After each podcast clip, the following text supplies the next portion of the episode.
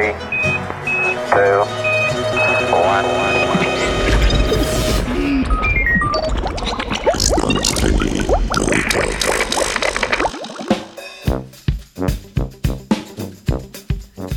Cepivo po žlički proti najpogostejšim STD-jem.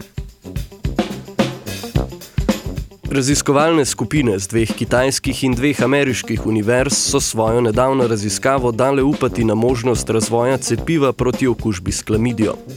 Klamidija trachomatis povzroča najpogostejšo bakterijsko spolno prenosljivo okužbo pri človeku.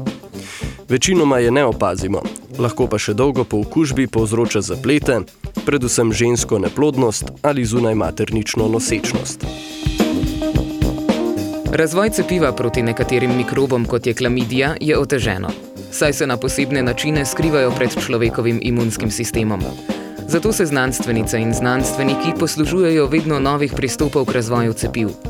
V primeru nedavne raziskave jih je vodilo opažanje, da je pri miših prva okužba s klamidijo zelo blaga, če bakterijo unesemo skozi prebavila. Nadaljna, spolno prenesena okužba na to prav tako poteka blago oziroma se ne izrazi, saj se je po okužbi prebavil imunski sistem že usmeril proti povzročitelju. Podobno delujejo tudi cepiva. Cepljenje pravzaprav pomeni blago, klinično neizraženo okužbo, ki ob minimalnem delovanju povzročitelja telesu omogoča zgraditi čim večjo specifično odpornost. Zato bi vnos klamidije v človeško telo skozi usta deloval kot cepivo proti spolni okužbi. V raziskavi je pri vnosu klamidije v želodce miši prišlo do kolonizacije črevesne sluznice, ki znotraj ali zunaj prebavil ni povzročala nobenih težav in tudi ni vplivala na običajno črevesno mikrobioto. Obenem pa je izvala močan imunski odziv, izražen na vseh sluznicah.